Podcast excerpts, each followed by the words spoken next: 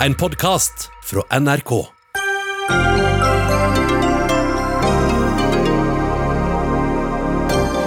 Fadderukene er i gang, og helseministeren ber de unge droppe uforsvarlige fester. Slutt å skylde på ungdommen, ber student. Samtidig etterlyser flere forskere og professorer strengere tiltak. De savner alvoret Norge hadde i mars. Russland har godkjent en vaksine mot korona. Den er overlege Preben Aavitsland meget skeptisk til. Flere tusen står i kø for å få en studentbolig. Regjeringa er mer opptatt av at bolighaiene skal tjene penger, enn at studentene skal bo godt, mener Arbeiderpartiet.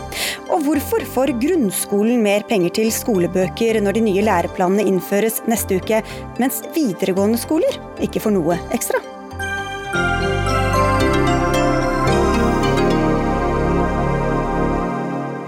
Vel møtt til Dagsnytt 18, hvor vi også skal snakke om pressefrihet i Hongkong, eller manglende sådan. Jeg heter Sigrid Solund. Koronasmitten øker altså i Norge, og på regjeringas pressekonferanse i dag var det liten tvil om hvem som sto for den sterkeste økningen, de unge voksne. Forklaringen var festing og sosiale sammenkomster med mye alkohol og lite smittevern. I Førde har de nå avlyst fadderuka. Både i Trondheim og i Bergen er det blitt oppdaget smitte blant studenter, og i Oslo var flere hundre samlet i en park i går kveld. Og det er bildene av disse festene du reagerer på, Mari Tromold. Du er direktør for Barne-, ungdoms- og familiedirektoratet, og ledet regjeringas ekspertgruppe for tiltak som gjaldt barn og unge under nedstengingen tidligere i år. Og nå sier du altså til Aftenposten at studentenes fadderuker må stoppes umiddelbart. Hvorfor det? Ja, først så vil jeg si at jeg har stor forståelse for at det er behov for at man blir godt kjent på studiestedet sitt, og at man blir en integrert del på universitet og høyskoler. Når det er sagt, så har vi jo nå jobbet i, fra mars med et føre-var-perspektiv, med å være tidlig ute. Og slå hardt ned på aktivitet som vi tror kan spre smitte. Og det vi har sett når vi har fulgt med på tilbud til barn og unge, er jo at barn og unge som er svært lite involvert i smittespredning, de har fått en kraftig effekt av tiltakene. Det at man stengte skoler og barnehager over natten, fikk en kjempeeffekt for dem.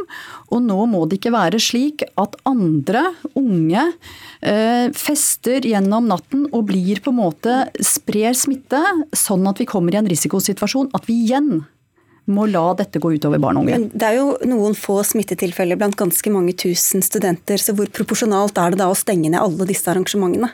Ja, Poenget her er jo at smitten den sprer seg veldig fort. Og vi har jo nå sett at smitte spres nettopp i disse gruppene. Og selv om veldig mange har gjort en god jobb med å forberede seg, og veldig mange unge selvfølgelig er veldig flinke, så holder det med at det er noen få. Og da må man veie opp konsekvensene av det nettopp å stenge ned mot det med å gjennomføre det. Og disse Studentene skal jo være studenter i mange år på universitetet. Her blir det viktig å finne andre uh, alternativer til å bli godt kjent og bli integrert i studiemiljøet sitt, enn å ha fester og oppføre seg med en risikoatferd som nettopp setter andre i risiko. Så uh, litt uh, solidaritet, altså. Elinor Lundstrøm, du er faddersjef i Timini, linjeforeningen i nanoteknologi ved NTNU, og du ønsker ikke at fadderuka stanses. Hvorfor skal den fortsette når vi ser smitteutbrudd også hos dere? Jeg må på vegne av alle som arrangerer fadderuker si at dette er kanskje det aller viktigste arrangementet som skjer i løpet av et studieår. Eh, og for veldig mange så er fadderperioden sinnssykt viktig, nettopp fordi det er du er i en sårbar situasjon. Eh, vi som unge, nye studenter i en ny by er veldig sårbare. Vi kommer til et nytt sted vi ikke kjenner. Vi har kanskje ikke noe sosialt nettverk i det hele tatt. Og der legger fadderperioden grunnlaget for det sosiale resten av studiet. Det viser at eh, trivsel er mye høyere hos de som deltar i fadderperiodene og får seg et sosialt nettverk. Frafall fra studier er lavere hos de som er aktive og får seg et sosialt nettverk. Eh, psykisk helse, alt dette her er i sammenheng med at man får seg en ordentlig god start på studietilværelsen og får seg de gode vennene man trenger. Mm. Og da er det verdt det, eh, selv om det kan få helt katastrofale ringvirkninger? Da er det absolutt verdt det, og jeg mener at vi må nå er det det dere ser, er disse store festene i parkene. Og jeg må bare si at vi, er, vi som arrangerer fadderperiodene, har drevet med dette her i et halvt år.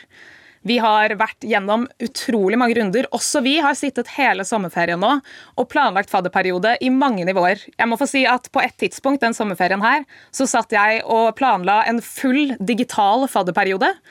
Så planla jeg arrangementer for kun fem og fem personer med to meters avstand av gangen. Og Sånn har vi holdt på gjennom hele sommerferien. Sett an hvordan smittesituasjonen er når vi kommer til høsten og skal gjennomføre opplegget.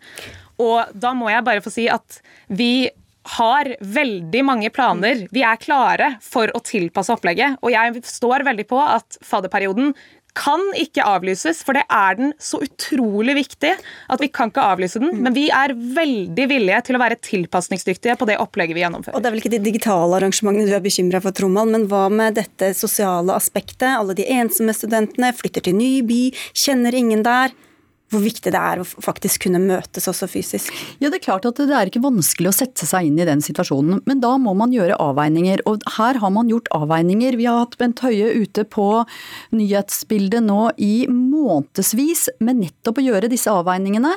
Og hadde dette vært i mars, så hadde det ikke vært noe tvil. Det var ingen som hadde tenkt at det er så viktig å være ute på fest. Og det handler ikke bare om store ansamlinger i parker, her handler det også om inne i studenthybler. Og det som vi hører også, er jo at studentene sier selv at de vil prøve å overholde smittevernsreglene, men de får det ikke helt til. Og det holder ikke når vi nå ser at risikoen er jo at nettopp sårbare barn og unge de står i fare da for å miste skoletilbud og barnehage, helsestasjon osv. på nytt. Svein Stølen, du er rektor ved Universitetet i Oslo. Dere har ikke fadderuke som sådan, men eh, mange arrangementer ved studiestart. Kommer dere til å begrense dem eller stanse dem nå? Nei, Vi kommer nok ikke til å stanse arrangementene. Jeg vil jo si at Fadderne våre, som jo lager mange gode arrangementer, de er veldig opptatt av smittevern. Holder prosedyrer som gjør at vi gjør dette på en ganske trygg måte. Det som jeg tenker er saken nå, det er at vi må passe på at man ikke har denne utagerende festingen etter at disse offisielle fadderarrangementene er avslutta. Så jeg vil jo henstille til alle studenter i denne situasjonen å ta smittevern seriøst. Så jeg tenker Når det offisielle arrangementet er ferdig, så må man faktisk reise hjem og legge seg, og så komme tilbake til faglige arrangementer ja, hva, er, hva er sannsynligheten for at det skjer, tror du? Jeg tror at det er en stor sannsynlighet for at det skjer. Jeg tror at svært mange, den store majoriteten av studentene våre, har faktisk forholdt seg til smittevernreglene. Og så tror jeg dette er en påminnelse som gjør at vi skal komme enda et steg videre. Og Vi kan ikke understreke dette sterkt nok. Så dette er en forventning, og vi jobber godt med fadderne våre for å få dette gjennomført på en god måte. Marit Rommald, du sier at hvis universitetene ikke får til dette, så må helseministeren på banen. Hva er det du etterlyser hos ham? Nei, jeg tenker jo først og fremst dette er et ansvar for universitetene. De er helt, det er de som legger opp undervisningen, og det er de som legger opp til fadderukene. Selv om ikke de selv sitter som studenter og organiserer det. Og så vil jeg være opptatt av studentorganisasjonene, at de må ta et ansvar nå. Eh, det er ikke bare alle andre som skal vise solidaritet, nå må de også gjøre det. Til tross for at det er et offer for dem. Og så hvis ikke vi får det til, så tenker jeg at da må helseministeren gripe inn. Det har han gjort før også, når ikke vi får det til. Og se på hva som kan gjøres, eller lokalt mm. i kommunen, for å se på både alkoholregulering, grupper osv. Her er det en hel verktøykasse. Men først og fremst Ansvaret ligger hos rektor og hos studentorganisasjonene, sånn som jeg ser det. Helseminister Bent Høie, du og dine regjeringskolleger henvendte dere til de unge i dag. Ikke bare studentene, men også andre unge voksne. Men holder det, eller trengs det da sterkere lut spesielt retta mot denne gruppa?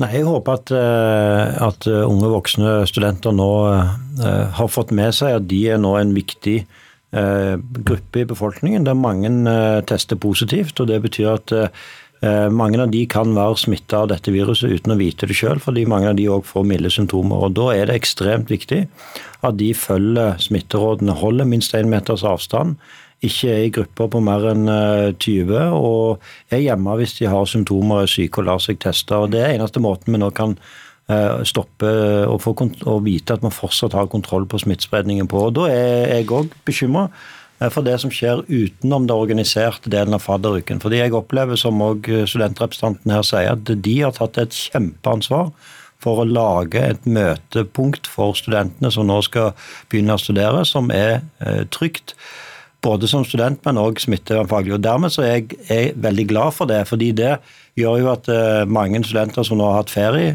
senker skuldrene, møter et studiested der de blir minnet på at vi faktisk lever i en pandemi. Men det er òg ekstremt viktig at hver enkelt da tar ansvar etterpå, sånn at når det offisielle arrangementet er over, at en ikke da har private eh, sammenkomster og fester og nachspiel og fester i parkene der en ikke holder reglene. For det vil kunne få nettopp de konsekvensene som trekkes fram her. Og vi må nå stramme inn bremse opp for nettopp at barn og unge skal ha muligheten til å gå på skole og barnehage. Vi skal snakke litt om de unge tidlig seinere i sendinga, men det var altså de unge voksne som sto i sentrum på pressekonferansen i dag, og som mange peker på. Julius Grasåsen, du er student ved Universitetet i Oslo. Du skriver i en ytring på NRK at du ønsker en beklagelse. Hvorfor og fra hvem?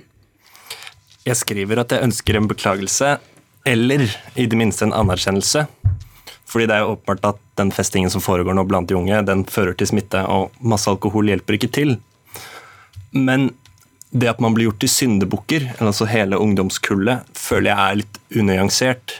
For å snakke fra min egen erfaring, så etter 17. mai så begynte denne type festingen. Sånn med kontrollerte forhold, åpenbart, men at man begynte sakte, men sikkert. I juni på Torgata var det så mye mennesker at jeg aldri har sett maken klokka halv tre på natta, og man frykta korona, men det var ingen smitte. Det samme med denne Black Lives Matter-protesten, eh, uh, hvor det var 13 000 samla og man ikke kunne se noe smitte. En uke eller to etter at man åpna grensene, derimot, da begynte smitten å versere rundt. Så jeg føler det å, å legge all skylden over på ungdommen nå, er eh, litt urettferdig med tanke på den importen jeg føler man har hatt av smitte, og man burde erkjenne det at eh, den smitten kommer utenfra, da, og det er den ungdommen driver videre. Hvorfor er det de unge som får denne pekefingeren, og ikke alle de som har vært på grensehandel eller reist til sydlige land, Bent Høie? Nei, Det er ingen som får verken pekefinger, skyld eller skam Kanskje for meg. Kanskje opp, oppleve sånn hos noen, da? Ja, Da vil jeg bare minne om det første jeg sa etter ferien var over, at skam og skyld er det beste vennen viruset har. Det er ingen som skal føle skam eller skyld. Alle, men det alle må gjøre, det er å føle et ansvar. Uh, og det må vi gjøre alle sammen. Det er helt, helt åpenbart at årsakene til at vi har økt uh, andel av lokale smitteutbrudd i Norge i dag, den er sammensatt. Noe av det skyldes at vi har hatt økt reising. Det visste vi var en økt risiko. Eh, noe av det skyldes rett og slett at vi har aldri vært fri for virus i samfunnet vårt. Så Det har også vært mitt budskap hele veien. Viruset har vært i det norske samfunn. Det er like smittsomt, det er like farlig som alltid. Og Derfor var noe av det siste jeg gjorde før sommerferien, det var å vise meterstokken og ga beskjed om at dette er den beste beskyttelsen vi har mot spredningen av virus. Eh, og så er det jo dessverre òg sånn at vi ser at eh, nå er det sånn at i motsetning til tidligere, så er det den aldersgruppen unge voksne der det er flest som tester positivt. Ja, og det er nok en det er da grunn til å tro at noe av årsaken til at viruset har fått spredd seg akkurat i den gruppen. Ja, for Det er jo det tallene den, viste på eh, pressekonferansen ja. i dag også, som Folkehelseinstituttet sa. Så når det er blant de unge voksne vi ser økningen mm. i smitte, hvorfor peker du da på ø, åpningen av grensene? Nei, Det gjør jeg jo først og fremst fordi at det er jo først etter disse grensene er åpna at den smitten har sirkulert da, rundt ungdomsfestene. Og så har jeg skrevet også at det er, det er ungdommene som har vært på tur, da, og så kommer de hjem og sprer det blant sine venner? Men man har åpna grensene. Man gikk en felles dugnad i mars-april. Man holdt seg helt i ro sosialt. Det gjorde vi jo alle i fellesskap. Og så løsna det sakte, men sikkert opp, og det var jo planlagt også. En, en kontrollert åpning av samfunnet. Og det gikk helt fint, i hvert fall sånn jeg oppfattet det, frem til man åpna grensene. Og da har det rakna og så har ungdommen blitt syndebukken på det, og det syns jeg virker mm. unyansert. Og krever deg en beklagelse, eller i hvert fall en anerkjennelse, Høie? Ja, Hvis jeg hadde drevet med å beskyldt folk for noe eller gitt folk skam, så hadde jeg beklaga det, men jeg har sagt tvert imot. Det er ikke det som hjelper oss i denne situasjonen. Og det er heller ikke sånn at hvis regjeringen hadde valgt å holde landegrensene stengt, med de dramatiske konsekvensene det hadde hatt, bl.a. for mange unge sine arbeidsplasser, så er det ikke sånn at det hadde betydd at vi i Norge kunne levd som om ikke viruset var i samfunnet vårt. Viruset var i samfunnet vårt òg når vi tok sommerferie. Og når vi er nærmere hverandre enn én en meter, når vi møtes i store grupper, da beveger viruset seg mellom oss. Eh, og Dessverre så ville det da vært sånn at uavhengig av importsmitte eller ikke, så ville viruset da begynt å spre seg så lenge en ikke følger disse rådene. Men hva vil du si til Grasåsen og de andre som kjenner på den uh, syndebukkfølelsen? Ja, det vil jeg si at uh, En skal ikke kjenne på den følelsen, fordi den følelsen er jeg veldig redd for.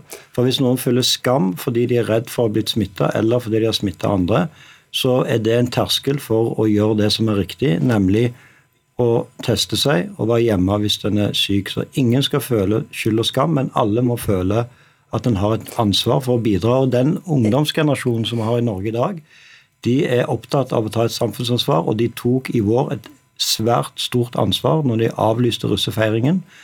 Og jeg er helt overbevist om at de kommer til å ta det ansvaret igjen. Ok, gracias. Uh, ja. du er, er, du fornøyd? Jeg er ganske fornøyd, ja. egentlig. Ok, Tromald, du vil inn på tampen her. Ja, jeg tenker at det er ikke det å se på om det er grenseåpning eller andre ting som har eh, forårsaket smittespredningen. Det kan vi sikkert diskutere side opp og side ned. Men vi har uh, hatt en praksis med å være føre var, og da er det risikoatferd opp mot hva er tyngden av tiltakene som må vurderes. Og det er vel her jeg savner litt fra både studentorganisasjonene og fra universitetene, til å på en måte at de går inn i dette nå med åpne øyne, med den risikoen som er ute, som jeg tenker at det krever en aktivitet fra dem nettopp uh, nå, og her har man ikke tid å miste. Og da skal du få svare og kvittere ut det, Lundstrøm. Lundstrøm i Trondheim. Vi er absolutt Ja, vi er absolutt klare for å ta ansvar, og det er absolutt det vi gjør også. Her ønsker vi en trygg fadderperiode for alle, så alle kan føle seg trygge. Fadderperioden er så utrolig mye mer enn fester i parker. Det er brettspillkvelder, det er filmkvelder, det er arenaer hvor folk blir kjent. Er det noen som tar ansvar akkurat nå, så er det vi som arrangerer organisert fadderaktivitet for å inkludere alle sammen, sånn at det ikke blir trange nach i kollektiv mm. som vi ikke har kontroll over. Én eh, meter, vi forholder oss til alt vi har fått. Vi har antibac til stede. Énmetersregelen blir oppfordret til hele tiden. Vi har kurset våre faddere. Vi gjentar gang på gang. Vi vet at det er disse tingene som gjør det mulig å ha en fadderperiode, og vi skal fortsette med det så godt vi absolutt klarer å få til. Ok, Kos dere på brettspillkvelden. Jeg tror ikke det var der bekymringen lå her i studio. Vi får forlater de unge voksne, skal komme tilbake til bosituasjonen deres faktisk seinere i sendinga. Og så takker vi av dere Elinor Lundstrøm, faddersjef ved NTNU, Mari Trommal, som altså er eh, barne-, ungdoms- og familiedirektør, og til Julius eh, Grassåsen, som er student. Men vi skal fortsette med korona, og med deg, Bent Høie.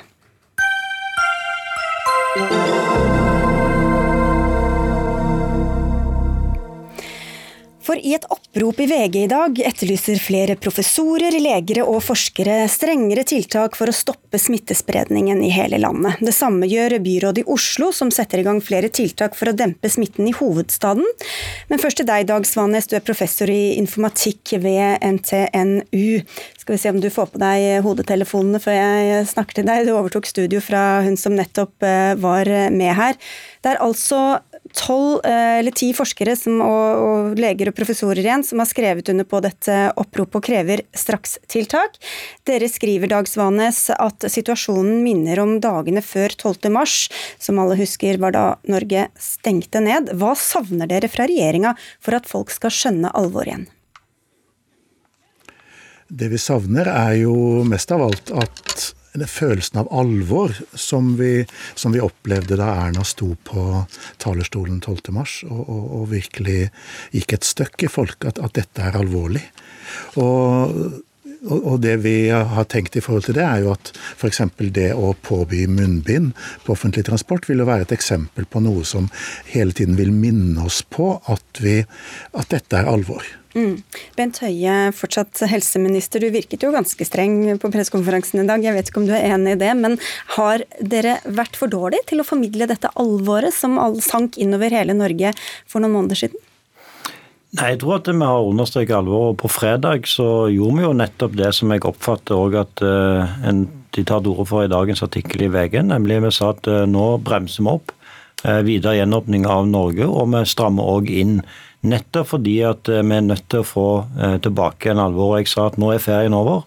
Nå er vi tilbake på jobb, eh, og jeg må brette opp ermene. Og jeg oppfatter jo at gjennom helgen så har vi òg hatt opplevelser alle sammen som gjør at jeg tror at alvoret i mye større grad har seget inn over oss igjen. Mm. Eh, og så er det jo sånn at eh, f.eks. tiltak om munnbind i, i, eh, på kollektivtransporten i rushtiden, det varsla jeg òg på fredag at det kommer det sannsynligvis til å komme råd om denne fredagen, som nå kommer, og at folk må være forberedt på det. Men jeg er òg opptatt av at de som har ansvaret for at det skal fungere, får har tid til å forberede det. At eh, Oslo kommune, som har et stort ansvar for kollektivtransporten, vet at eh, på fredag kommer det trolig et sånt råd. Det er bare sånn praktiske ting som at det skal være system for å ta imot alle disse brukte munnbindene, søppelbøtter osv. Og, så og det andre er at befolkningen skal ha muligheten til å forberede seg. Men alle må nå forberede på at et sånt råd kommer på fredag. Men Robert Steen, byråd for helse, eldre og innbyggertjenester i Oslo kommune. Dere har sagt at dere ønsker klarere regler rundt dette med munnbind for å ta det. Men hvorfor ikke bare innføre det selv eh, på, på lokalt nivå? Men er det jo som helseministeren sier, at eh, her kommer det et råd fra nasjonale helsemyndigheter på fredag. Det er ikke mer enn eh, tre dager til, så det er ikke så langt fram i tid. Jeg tror at en del av disse kall nye tiltakene, som oppleves som veldig inngripende for folk, de er det best om de kommer på nasjonalt nivå. Det å gjøre for mye lokalt kan eh, både bli gjenstand for usikkerhet, for debatter, for urolighet og for misforståelser. Så jo mer av disse nye inngripende tiltakene vi kan gjøre nasjonalt, jo bedre tror jeg det er. Og det å innføre munnbind i en nasjon som ikke er vant til det, vil være et sånn type tiltak. Så tror jeg at eh, vi veldig fort vil venne oss til munnbind som en ny standard i en periode hvor vi lever med en pandemi. Går vi til tilsvarende land i Europa, byer i Europa, så er dette normalen. Der er det rart hvis man ser folk uten munnbind på kollektivtransporten. Så det er veldig fort å endre atferd, men jeg tror det er fornuftig å gjøre det på nasjonalt nivå.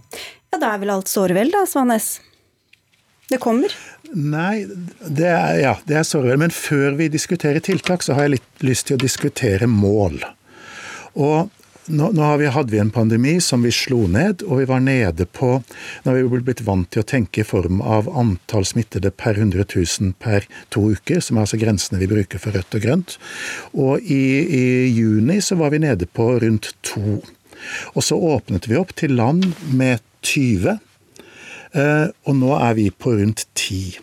Så spørsmålet mitt til Høie, eh, som Gullvåg ikke ville svare meg på på lørdag Altså helsedirektøren? Mm. Er, helsedirektøren er hva er et akseptabelt nivå for smitte i Norge? Er det to som vi var på uh, før sommeren? Er det ti som vi er på nå?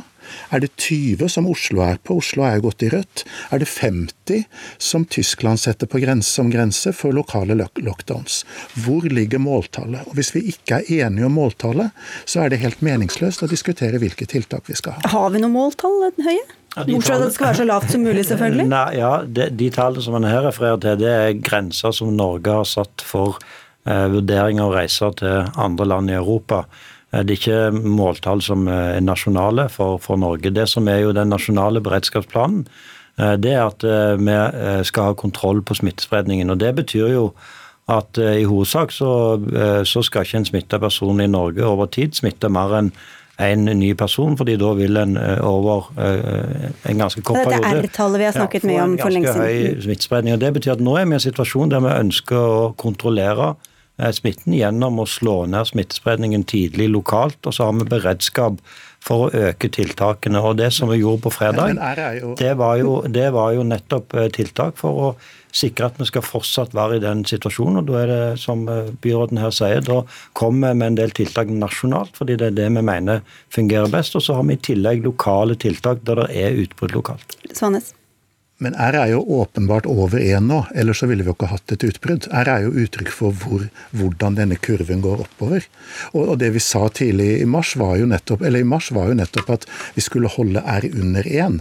Og det gjør vi jo ikke nå, ellers så ville jo ikke denne kurven gått oppover. Ja, Hvis du vet det, så vet du mer enn hva jeg vet. Den siste risiko- eller eh, rapporten fra FHI sier ikke at vi har en R over 1. Og dessuten så er det sånn at Hva er R på, da? Ja, nå er den eh, på jeg tror Den siste rapporten sa at den var på rundt 0,8, men det er klart at i en situasjon med såpass hvilken periode, hvilken periode, er det for deg? Ja, Det er jo da fram til forrige uke, da den siste rapporten kom. Men det er jo sånn òg, selvfølgelig, at i en situasjon der vi har eh, en situasjon der vi har relativt så, så få smitta i Norge som vi har nå, så er jo òg R-en en mindre egnet eh, tall det er så lokalt, bruke. Eller? Ja. Eh, sånn at eh, I den situasjonen vi var i mars-april, så var det en veldig relevant mm. eh, mål. Og hvis vi får en økt smittespredning, så vil det være det igjen. Men nå er det jo sånn at vi først og fremst er i en situasjon med lokale utbrudd som vi håndterer lokalt. Ja, Så det sier ikke så mye, fordi det er noen få klynger hvor denne smitten sprer seg, Sandnes? Men den R-en som, som, Høie her refererer til, den er regnet ut av FHI som et gjennomsnitt tilbake helt til mai. Så det, den sier absolutt ingenting om hva R er akkurat nå. Og det er helt meningsløst å si at R nå er under 1, når vi, når, når vi har en oppblomstring. Hvor ellers kommer disse nye smittene fra? Han sier jo selv tidligere i sendingen at de ikke kommer fra utlandet. Så et sted må de jo komme fra. De, lander, de kommer jo ikke fra himmelen. Men vi skal eh, ja, Nå har jeg aldri sagt at smitten ikke kommer fra utlandet. Jeg tvert imot jeg sa at det er helt åpenbart at en del av smitteøkningen også skyldes importsmitte. og Det var, er jo òg noe som vi har sagt hele veien. At eh, når vi åpner landegrensene, så vil det òg komme økt importsmitte. Eh, men konsekvensen av å holde landegrensene stengt i en situasjon der smitte Eh, omfanget ikke gjør det som et hensiktsmessig virkemiddel, er òg dramatisk også for mm. folks liv og helse. Men da vi, de som husker tilbake til mars, vi skal, vi skal få inn Robert Steen her litt også, fordi det er jo i Oslo, som du nevnte, Svanes, også at smitten er ganske høy nå.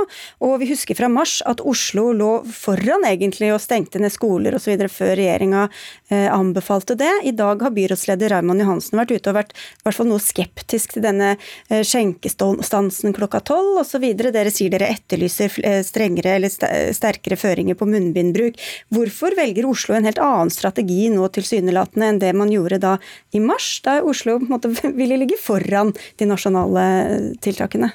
Jeg tror nok at mye av den diskusjonen som jeg også hørte dere hadde før jeg kom, dette med disse tallene. Det er jo en, det er et forsøk på å prøve å gjøre ting lettere for oss å forstå. 20 på 100 000 over en 14-dagsperiode, det forstår vi. Eh, men hvis vi transformerer det til hva det betyr for våre samfunn, så har vi 179 kommuner med mindre enn 5000 innbyggere i Norge. Hvis én innbygger i en av disse kommunene blir smittet, så er da den kommunen per den definisjonen rød. For da er du på disse 20 per 100 000. Så vi må også forstå hva som ligger bak det. og eh, Dette var en litt lang innredning til svar på spørsmålet ditt. Takk, eh, nesten, som en, nesten som en politiker. Ja, eh, men eh, det det handler om først og fremst, er jo å ha en situasjon hvor vi lever med smitte under rimelig kontroll. I Oslo så har vi hatt en del smitteutbrudd den siste uka, ti dagene. Vi vet eksakt hvor de smitteutbruddene var. Vi vet hvem det var, vi vet årsaken til det. Vi hadde en del fester forrige helg som var et eh, slikt hotspot-område. Og vi har hatt med en del av passasjerene på Hurtigrutas ekspress til eh, Svalbard. Eh, I så måte så opplever jeg at selv om tallene per se er høye i Oslo, så har vi god oversikt over Hvordan hvor Hvordan kan dere ha det når dere selv har innrømmet at dere ikke har kunnet teste nok, f.eks., og det er veldig få av de som har ønsket og, og, og trodd kanskje at de var smittet, som har fått lov å teste seg? Nå er det ikke testkapasiteten som har vært problemet vårt den siste uken, men det er det som heter koronatelefonen, som egentlig er porten til testing. Ja, Det blir jo lite testing hvis du ikke kommer gjennom porten, da. Ja, det kan du godt si, eh, men nå ble pågangen på den koronatelefonen den ble tidoblet eh, i forrige uke pga. den engstelsen som ble spredd som en konsekvens av disse utbruddene.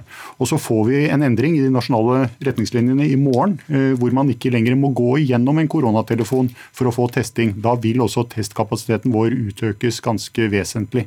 Så det gjør vi noe med nå. Og testing og disse munnbindene har vært innom, Svanes. Et siste krav eller ønske fra helseministeren her om hva som må gjøres for å unngå at denne smitten eskalerer? Vi foreslår jo at man eh, senker dette grensen for, eh, for grønt og rødt. Da. Eh, kanskje ned til ti, som er det Finland har valgt å legge seg på. Altså kun ti smittede per 100 000. Og da vil jo hele Sverige bli, gå i rødt.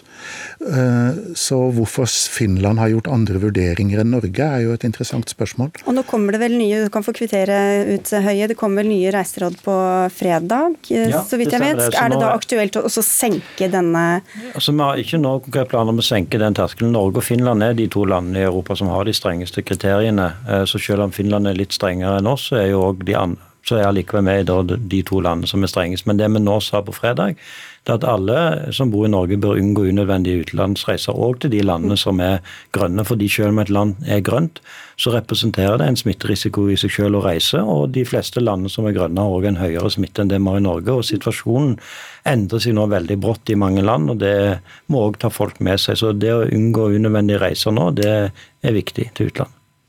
Jeg tenkte at eh, Siden Svanes fikk et ønske til helseministeren, så kanskje jeg kunne få et til også. Uh, hvis jeg kunne ønske meg noe uh, høye, så er det at vi nå får opp Smittestopp-appen. Det vil hjelpe oss med sporing. Jeg kunne ønske meg at vi fikk til spyttprøver for testing. Det vil øke kapasiteten vår voldsomt. Og så ønsker jeg meg som kommunerepresentant en ny forsikring om at alle de kostnadene som nå renner ned i kommunene, blir dekket av staten. Så hvis jeg kan få de tre tingene av deg, så skal jeg gjøre min del. Da får du fem sekunder på det, da, Bent Høie. Ja. Smittestopp-appen den skulle jeg òg ønske var på plass, men det er det dessverre andre som har stoppa enn meg. Når det gjelder spytt, så er vi jo helt enige om det, og der er vi jo glad for å samarbeide med Oslo kommune med å teste ut spyttprøver. Det vil gjøre dette mye enklere. Når det gjelder det tredje, så er jeg òg enig. Det er selvfølgelig som regjeringen har sagt, at kommunene skal få kompensert sine ekstra utgifter i forbindelse med dette. og Det må vi bare jobbe sammen med, finne svar på hva som er det rette nivået. Og Da kommer det et budsjett til høsten, så får vi se hvordan det går. Takk skal dere ha alle tre. Bent Høie, helseminister, Dag Svanes, professor i informatikk ved NTNU, og helsebyråd i Oslo, Robert Steen.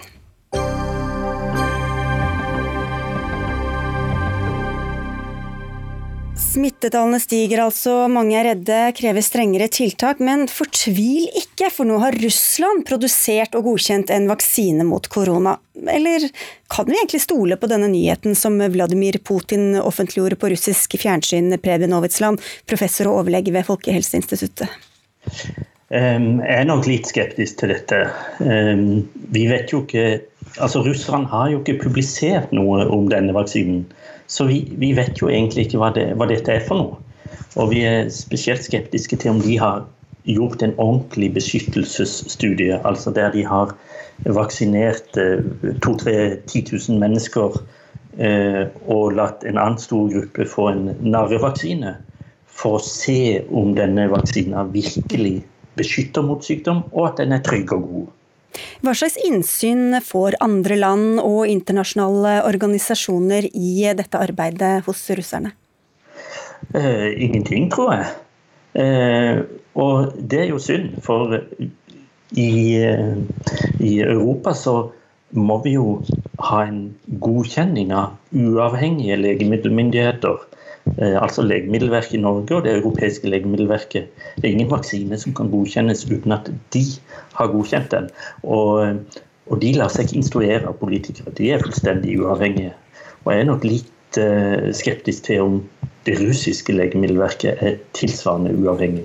Men det er vel ingen grunn til å tro at russiske forskere ikke er like dyktige som eh, europeiske eller amerikanske forskere?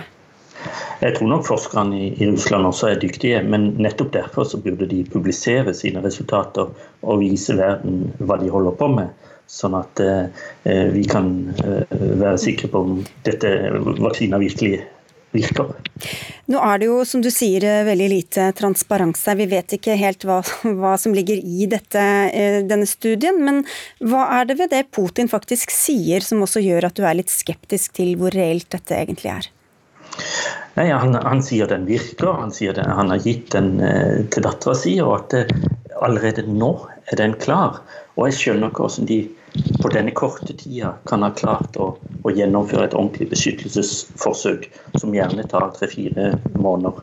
Det virker eh, veldig rart, og jeg er kanskje redd for at de har tenkt å sette i gang og vaksinere og godkjenne vaksinen uten et beskyttelsesforsøk, bare basert på blodprøver fra noen hundre som er vaksinert og som har fått antistoffer. Men vaksinen må prøves ut i virkeligheten. Mm. Hva kan være farlig ved at, eh, at det ikke skjer på reglementert vis? Nei, Da vet vi jo ikke om den virker, og vi er iallfall ikke sikre på om den har noen eh, farlige, sjeldne bivirkninger mm. som kunne ha blitt avslørt i et stort forsøk. Til slutt her, Aftenposten hadde et oppslag denne uka om at en vaksine kan være klar allerede over nyttår, altså en som er godkjent av uavhengige instanser. Men det er jo ikke det samme som at den blir tilgjengelig, eller hva? Nei, og det er viktig å ha for seg at selv om en vaksine er godkjent, så skal den jo produseres. Og den skal produseres i hundretalls av millioner, kanskje milliarder av doser. Sånn at det da kommer det helt an på når vi i Norge eh, henne vi står i den køen som skal kjøpe disse dosene. Og jeg er jo ikke trygg på at vi eh, kan begynne vaksinering da før traileren fra vaksinefabrikken står her i, i Etmisveien i Oslo. Så inntil videre er det bare å vaske hendene fortsatt. Takk skal du ha, Preben Aavitsland, professor og overlege ved Folkehelseinstituttet.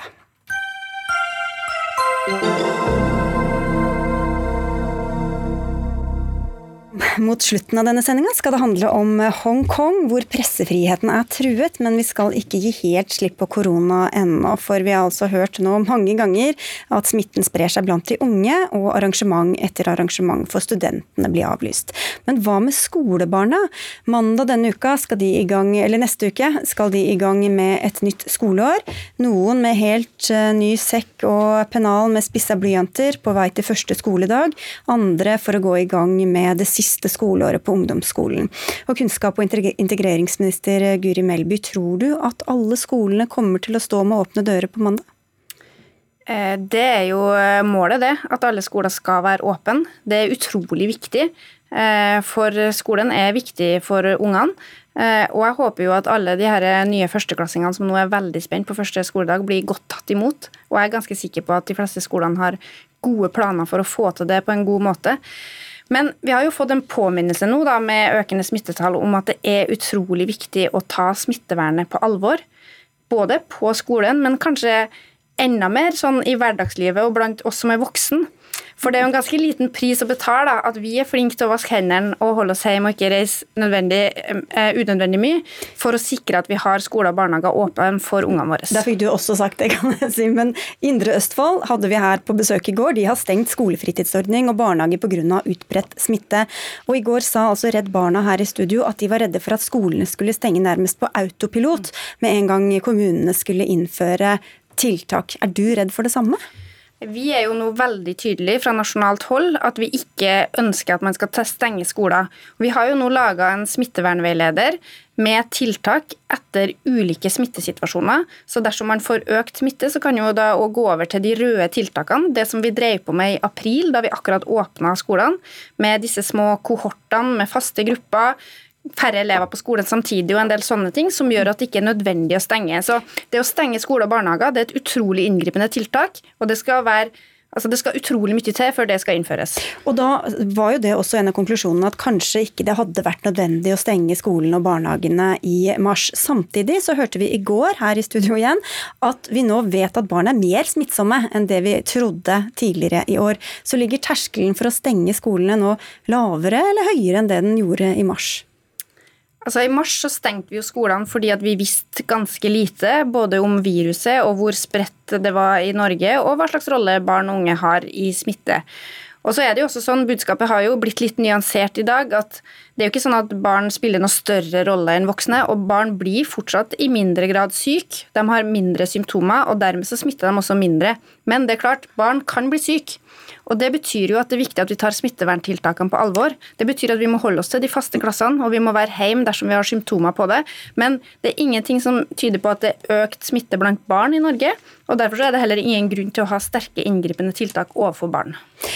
Så er spørsmålet hva som venter elevene i timen når de kommer tilbake til skolen. Det er helt nye læreplaner, hvis innhold vi også har diskutert ofte her i dette studio, men det er bare noen av trinnene som samtidig kan stille med nye lærebøker. For mens kommunene fikk 170 millioner kroner til innkjøp av lærebøker, har ikke fylkeskommunene, som har ansvar for de videregående skolene, fått noen ting, skriver Klassekampen. Og Kristin Schultz, du er leder i Elevorganisasjonen. Dere er bekymret pga. dette. Hva er det som bekymrer dere? Ja, altså Det jo, har vært bred politisk enighet om at læreplanene trengte å fornyes. så Nettopp derfor vedtok jo Stortinget fagfornyelsen. Eh, de gamle læreplanene de var brede, de var utdatert. De nye skulle bli mer framtidsretta og relevant for elevene.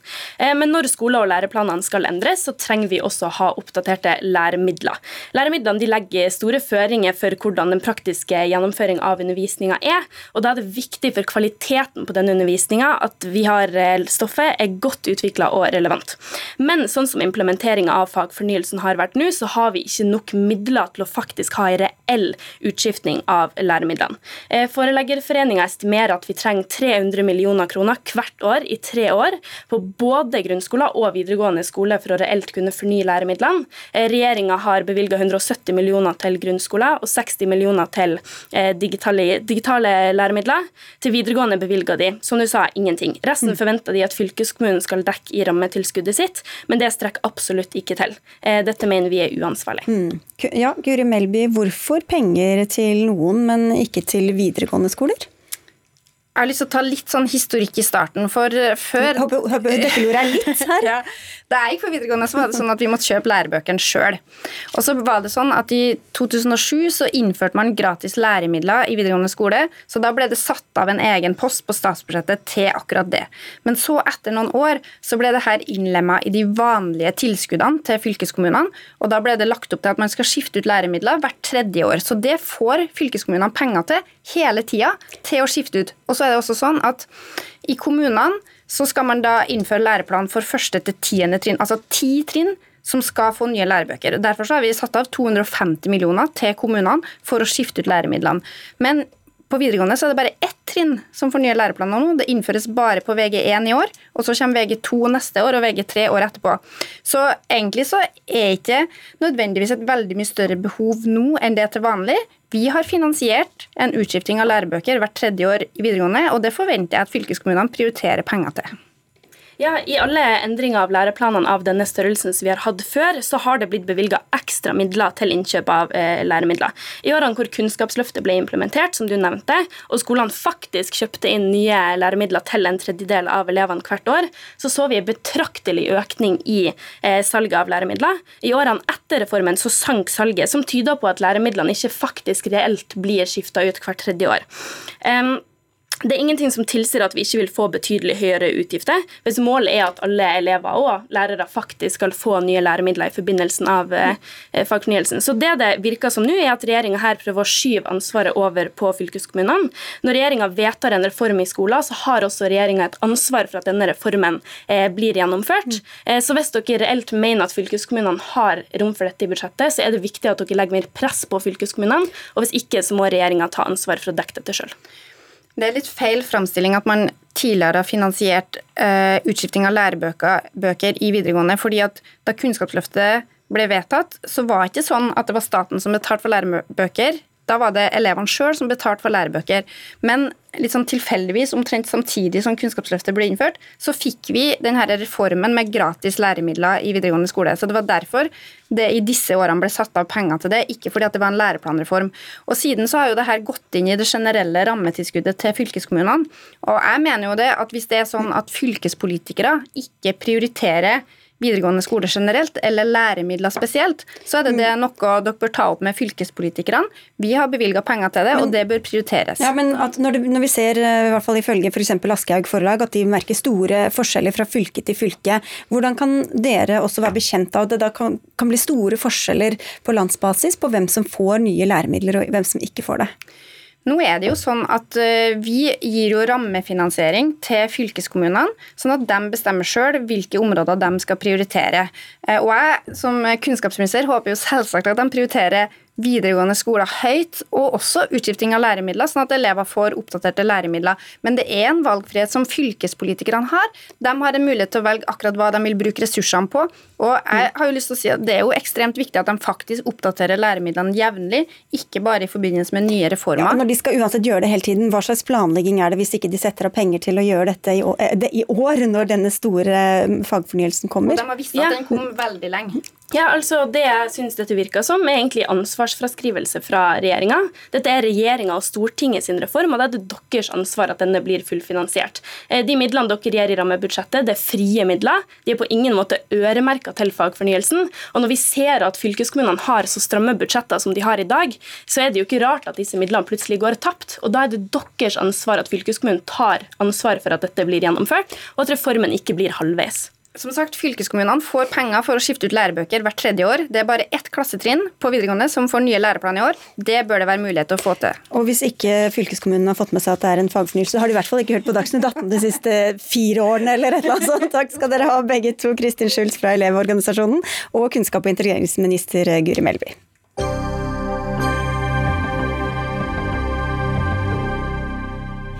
Ja, det handla mye om norske studenter denne sendinga. Nå skal vi tilbake til dem, for i disse dager skal mange studenter flytte til en ny by, som vi har vært innom, men i forrige uke sto fortsatt over 10 000 i kø for å få en studentbolig.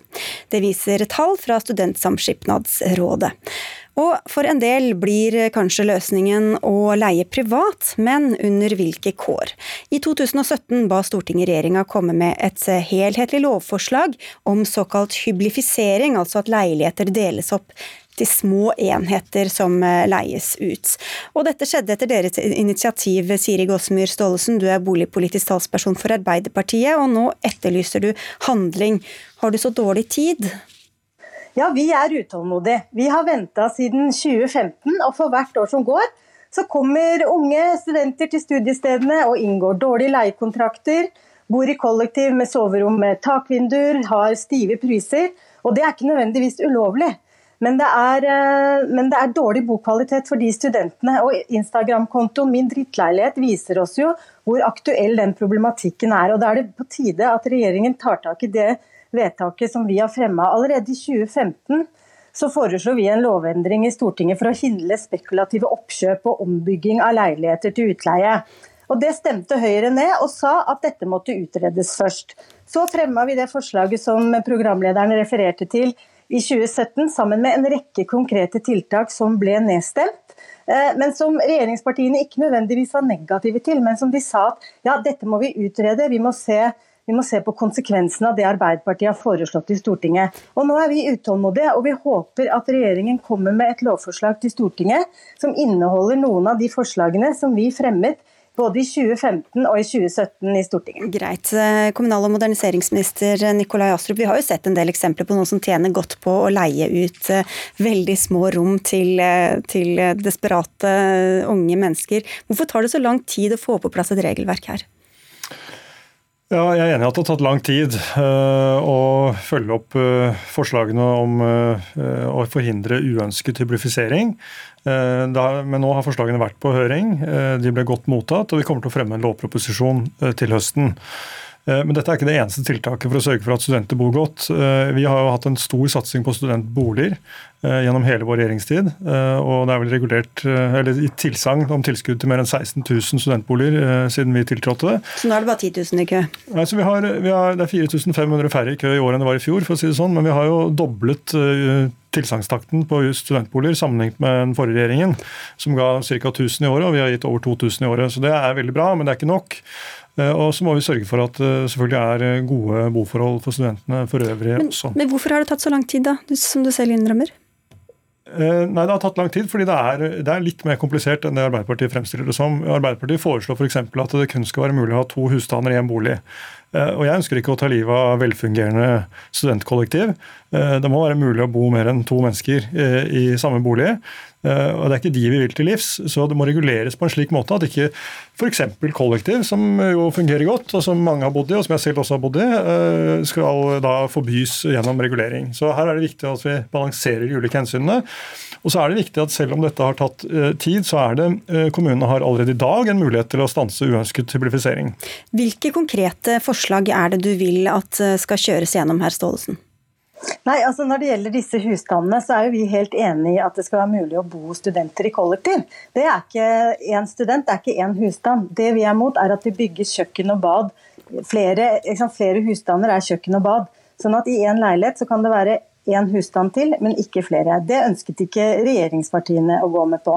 I 2013 så programfesta Arbeiderpartiet at vi skulle bygge 3000 studentboliger i året. Og Istedenfor å se bakover, som Astrup gjør, så hvorfor ikke se framover? Vi har foreslått det hvert år siden 2013 i våre alternative budsjett. Det ville ha gitt oss 21 000 flere studentboliger siden 2013 dersom våre budsjett hadde blitt uh, vedtatt. Så, og I tillegg så har ikke regjeringen greid å bygge det antallet studentboliger Stortinget har vedtatt år etter år. Og Det vitner igjen for meg om at statsråden ikke er utålmodig nok på de unges vegne. Ja, prioriter, hvordan prioriterer dere, Astrup? Ja, det er klart det er behov for studentboliger. og Ta f.eks. Oslo kommune. Der har man nå i tre år ventet på å få behandlet en byggesøknad for 460 studentboliger. Og Det skyldes jo at byrådet, styrt av Arbeiderpartiet, ikke har gjort jobben sin. Så det å skylde på regjeringen, når vi har gitt tilsagn til tilskudd om å bygge studentboliger, så må det faktisk bygges også, og da må lokale myndigheter regulere for de studentboligene. Eh, og her har Oslo kommune ikke gjort jobben sin. Og Så er det fint at Arbeiderpartiet etter at de gikk av Så vil de sikkert vise til det høyrestyrte Oslo så er det fint at Arbeiderpartiet etter at de satt åtte år i regjering ønsket å tredoble utbyggingstakten, men vi har altså mer enn doblet den sammenlignet med forrige regjering, og det syns jeg er ganske bra. Snart blir vi ferdig med åtte år, for snart er det åtte år som gjelder dere, Astrid. Ja, men jeg syns det er viktig å ta med seg det. fordi det året de gikk av, etter å ha underlevert på dette i år etter år etter år, så foreslo de å tredoble innsatsen sammenlignet med det hva de selv fikk til. Vi har mer enn doblet det sammenlignet med forrige periode. Det syns jeg er bra og grunn til å være stolt over. Som betyr ikke at vi er i mål, men det har eh, vært en betydelig forbedring under denne regjeringen. Du sier eh, Stollesen, at regjeringa er mer opptatt av at bolighaiene skal tjene penger enn at studentene skal bo godt. Mener du det bokstavelig? Ja, bare for å uh, respondere ja, men Spør først ja eller nei på om du faktisk mener at de er opptatt av at bolighaiene skal tjene penger.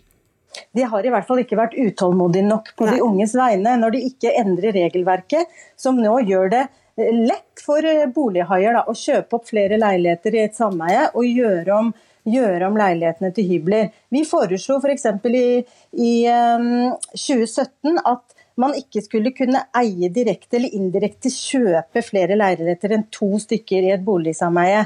Det gikk regjeringspartiene imot. Så nå er det bolighaier som kjøper opp to leiligheter, for det gir lovverket mulighet til. Og så bruker de datterselskapet til å kjøpe opp flere og flere. Og til slutt så har de flertall i årsmøtet til det sameiet og kan styre den eh, boligblokka akkurat som de vil. Er det så farlig, da? Ja, Vi mener at det ikke er riktig. Da. Vi mener at, eh, at bomiljøet skapes best ved at eh, ved at det ikke er eh, kun hyblifiserte boliger i en boligblokk. Så vi er utålmodige på de unges vegne. Og når det gjelder, jeg vil bare presisere det, at Bondevik-regjeringen bygde bare et par hundre studentboliger i året. Herlig! Vi starter tilbake til Borten. Ok, Astrup, helt på slutten. Ja, vi, vi, har jo utvidet, endret regelverket fra 1.1 i år, slik at ingen kan erverve mer enn to boligseksjoner i, uh, i et uh, eierseksjonssameie. Inklusive også indirekte erverv. Så, så det, det har vi allerede levert på. Men jeg er enig i at det må gjøres mye. Og så er jeg enig i at vi er helt nødt til å jobbe også med å få opp antall boliger. fordi etterspørselen etter boliger i pressområder er stor. og Da må det reguleres mer, det må bygges mer. Vi har gjort det rimeligere eh, å bygge nye, og enklere å bygge nye boliger. Men kommunene må også levere. og Her er det Oslo kommune som ikke gjør jobben sin. De bygger altfor lite i forhold til den etterspørselen. Og andre kan sikkert peke på andre kommuner. Takk skal du ha, Nikolai Astrup. Og takk til, takk til Siri Gåsmyr Staalesen fra Arbeiderpartiet. Hør Dagsnytt 18 når du vil. Radio NRK.no. Avismagnat og demokratiforkjemper Jimmy Lai ble pågrepet i Hongkong i går, og avislokalene ble gjennomsøkt av rundt 200 politifolk. Lai er siktet for brudd eh, mot den nye sikkerhetsloven som trådte i kraft 30.6.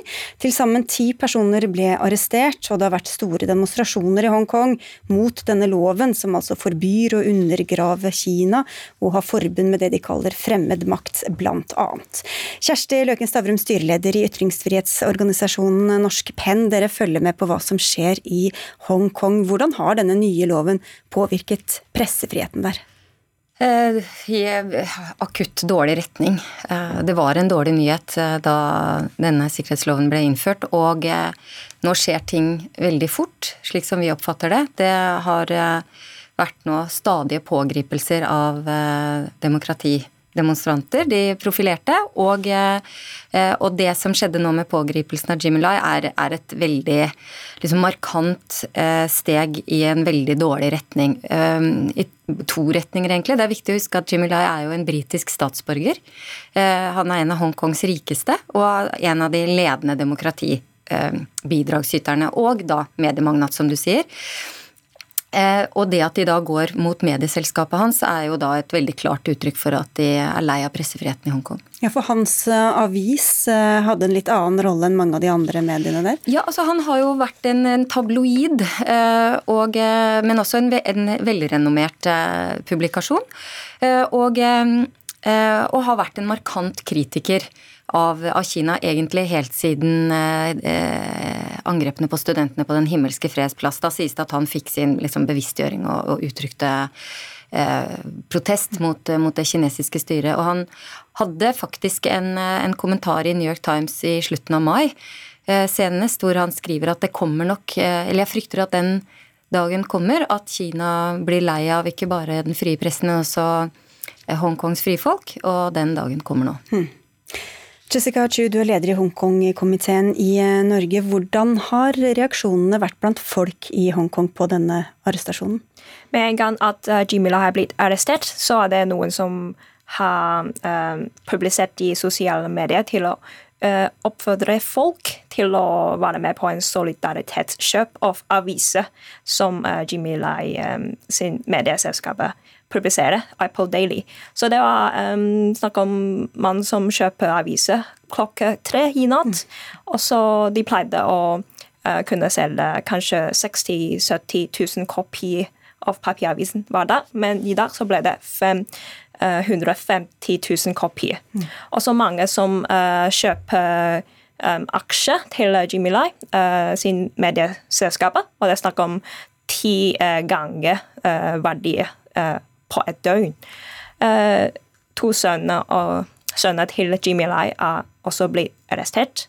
Og en av de sønnene i en restaurant, og det er folk som sto i kø til å dra på restaurant, restauranten. For de kan ikke gå ut og demonstrere, så de må vise sin støtte gjennom å kjøpe aviser i stedet? Nei, det er kanskje den eneste lovlige måten til å demonstrere. Men det er også folk i dag som henger ut Apple Daily um, fra i dag, uh, som må protestere. det.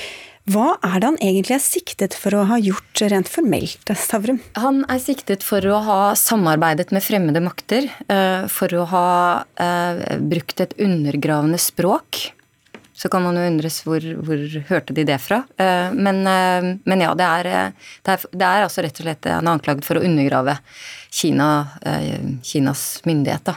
Og hva slags kontroll er det de har på andre medier i, i Hongkong? Nei, altså du vet, Det er jo alltid sånn i alle land at når du tar et mediehus på den brutale måten du gjorde Det var 200 eh, politifolk som raida mediehuset eh, og holdt på i ni timer tror jeg, med å, med å på en måte gå gjennom det hele. Det, det skaper jo en, det man profesjonelt kaller nedkjølende effekt. altså Det vil si at alle noterer seg jo at nå er vi ille ute, nå er det fare på ferde.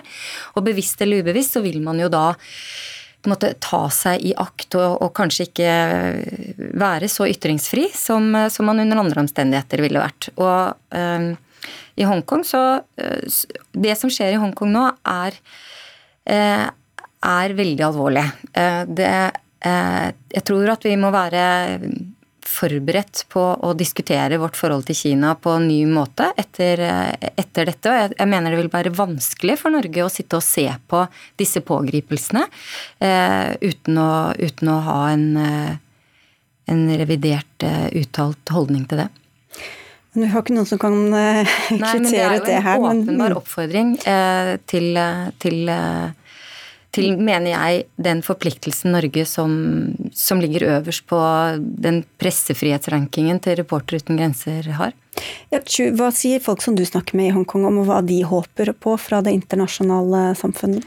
Håper at uh, verden ser på Hongkong fortsatt, og ikke glemmer uh, uh, Hongkong. det er en veldig bekymringsfull situasjon. det er journalister som blir redd til å um, fortsatt skrive om sannhet. Og vi håper at vi fortsetter å kunne se hva som skjer i Hongkong. Og jeg vil også åpenbart uh, oppfordre den norske myndigheten til å uh, si tydelig hva de mener om situasjonen i Hongkong.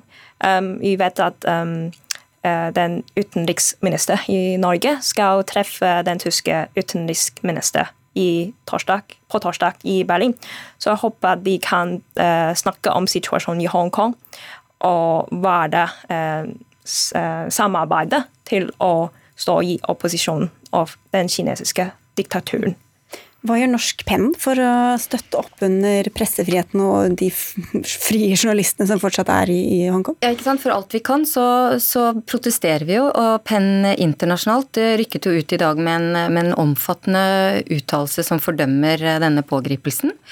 Eh, jeg må jo si at jeg klarer ikke å la være å glede meg over eh, det smarte grepet eh, Hongkong-demonstrantene gjorde i går ved å kjøpe disse aksjene. Nå, da ble han altså ved at aksjen økte hele 1200% så, så ble han altså Hongkongs største medieselskap. Og, og hele, hele, ideen med, med den runden demonstrasjoner som Hongkong er i nå, er jo dette å be water. ikke sant? Hvordan skal vi prøve å få til dette, og særlig i koronasituasjonen. Så, så dette syns jeg var Dette klarer jeg ikke å la være glede meg over. Et smil på tampen der. Takk skal du ha, Kjersti Løken Stavrum, og takk til deg, Jessica Chu. Dagsnytt 18 er slutt for denne gang. Anne Katrine Førli, Eli Kyrkjebø og Sigrid Solund takker for oss.